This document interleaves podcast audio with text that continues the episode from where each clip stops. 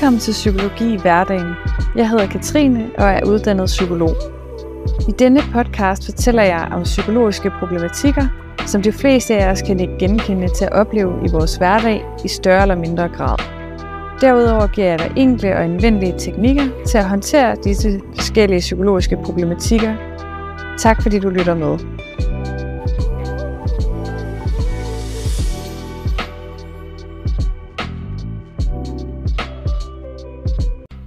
Velkommen til. 2023 er ved at være ved vejs ende, og det er derfor et oplagt tidspunkt at få reflekteret over året, der gik, og også over det år, som vi går i møde. Det her podcast-afsnit er lidt anderledes end de andre podcast-afsnit, jeg har lavet indtil videre. I dag vil jeg nemlig ikke fortælle så meget om et bestemt emne, men i stedet guide til at få reflekteret over 2023, og samtidig reflektere over, hvordan du drømmer om, at 2024 kommer til at se ud for dig. Jeg vil gennemgå forskellige spørgsmål og øvelser, som du selv skal reflektere over og besvare, og så vil jeg også fortælle om, hvad værdier helt præcist omhandler, og hvordan du finder frem til dine værdier eller bliver klogere på dem, fordi ens værdier kan være en rigtig god guide i forhold til at skabe en meningsfuld hverdag med mest mulig trivsel. Jeg vil anbefale, at du hører det her afsnit, mens du sidder et roligt sted for dig selv med et stykke papir og noget at skrive med.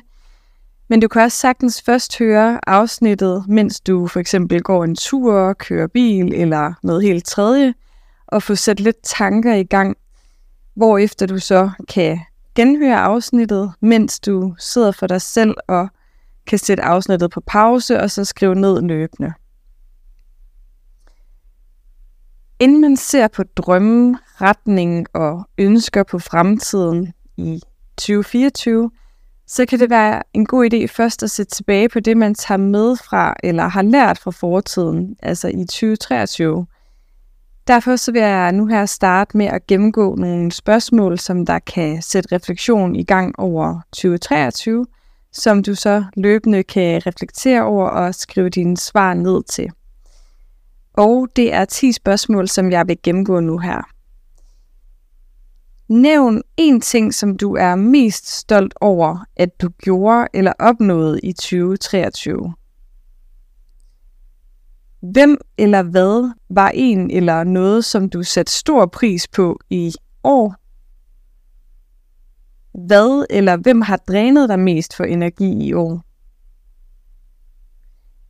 Hvad er du klar til at give slip på og fjerne fra dit liv? Og det kan for eksempel være usunde eller uhensigtsmæssige vaner eller relationer, eller noget, som der måske bare har fyldt for meget i dit liv.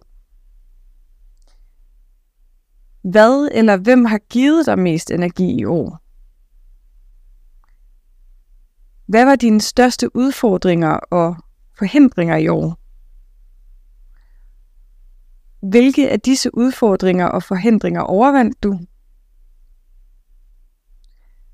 Hvordan har de her udfordringer ændret dig eller dit liv? Nævn en eller flere ting, som 2023 har lært dig. Det kan både være små eller store ting, alt fra for eksempel personlige til mere samfundsmæssige ting. Og her til sidst, så færdiggør sætningen 2023 tak for, og så skriv for eksempel det ned, som du har været mest taknemmelig for i 2023.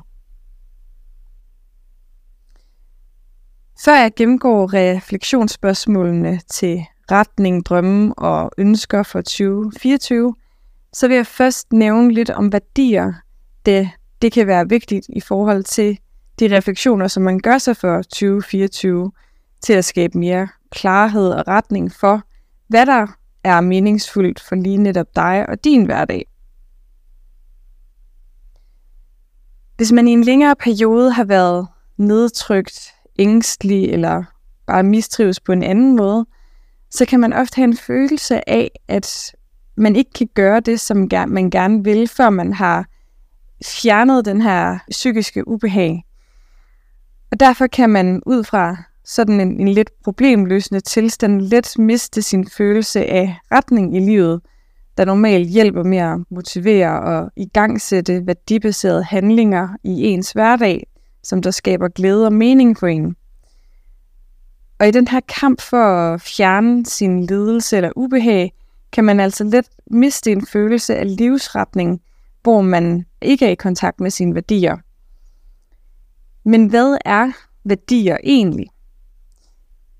Værdier, det er ikke en ting eller et mål, men snarere en igangværende proces. Værdier, det er heller ikke beslutninger og vurderinger, men skal i stedet være valg. Og valg, de er frie i den forstand, at der ikke er nogen tvang, ikke nogen burde eller jeg skal. Og en god øvelse til at finde frem til sine værdier, det er en øvelse, hvor du med lukkede øjne skal forestille dig, at du overværer din egen begravelse, og så tænke på, hvad du gerne vil huskes for. Hvad vil du for eksempel ønske, at din mand, kone, venner sagde, at dine børn sagde, og så videre. Og selvom det godt kan være lidt ubehageligt at forestille sig sin egen begravelse, så er det en effektiv øvelse, som der også ofte kan, kan, ofte kan vise en stor uoverensstemmelse mellem ens værdier og sine nuværende handlinger i sin hverdag. Så prøv at lave den her øvelse, og så prøv og tænke over, hvad, hvad tænker du ud fra den her øvelse, at dine værdier kunne være? Og lever du i overensstemmelse med de her værdier på nuværende tidspunkt i dit liv? Og hvorfor eller hvorfor gør du ikke det? Endnu en måde, hvor man kan reflektere over og finde frem til sine værdier, det er gennem noget, der hedder et livskompas med 12 livsdomæner. Og der skal du først tegne en cirkel med 12 cirka lige store felter, hvor du så i hvert felt skriver en af de her 12 livsdomæner, som jeg nævner nu her. Og det første, det er arbejde og karriere. Det andet er forældreskab. Det tredje, det er ægteskab, parforhold eller intime forhold. Det fjerde, det er kunst og æstetik. Det femte er familie. Det sjette er uddannelse og faglig udvikling. Det syvende er fritid og sjov. Det ottende er helbred. Det niende er natur. Det tiende det er spiritualitet og personlig udvikling. Det 11. er venner og socialt liv. Det 12. er samfundsengagement og medborgerskab.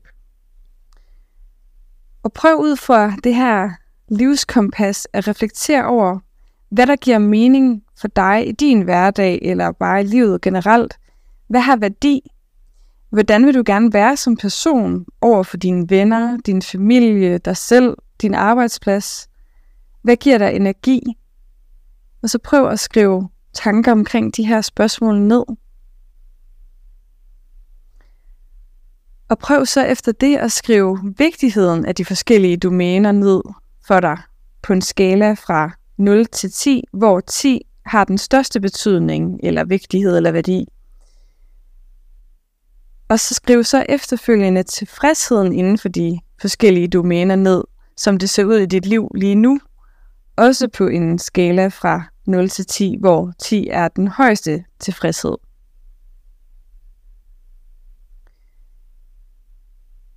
Modsat værdier, der aldrig kan opnås, så kan konkrete mål, som der er i overensstemmelse med ens værdier, opnås. Og efter man har fundet frem til sine værdier, eller blevet klogere på dem, så kan man så udvikle mål og specificere handlinger, som der kan være med til at opnå de her mål. Og et mål, det defineres som en specifik bedrift, der understøtter en bestemt værdi, og en vigtig pointe med hensyn til fokus på mål og handlinger, så er det, at man altså er deltager selv fuldt i processen hen imod målet, og ser det som en del af målet, frem for blot at fokusere på kun at opnå målet. Men prøv at reflektere over og skrive ned, hvilke mål eller handlinger, som der kan være med til at understøtte dine værdier. Med inspiration og måske udgangspunkt i det, som jeg har fortalt om værdier, og du selv har skrevet ned om dine værdier, så prøv at have dem i baghovedet, når du besvarer de refleksionsspørgsmål, som jeg vil gennemgå i forhold til det kommende år 2024 nu her. Og det er også 10 spørgsmål. Og det første, det er, hvilke personlige styrker og kvaliteter har du lyst til at fokusere mere på at dyrke og måske udvikle dig i i det kommende år? Hvad vil du gerne prioritere i højere grad og skabe mere tid til i 2024? Skriv tre eller fem konkrete mål ned for 2024 med udgangspunkt i dine værdier, som du gerne vil opnå.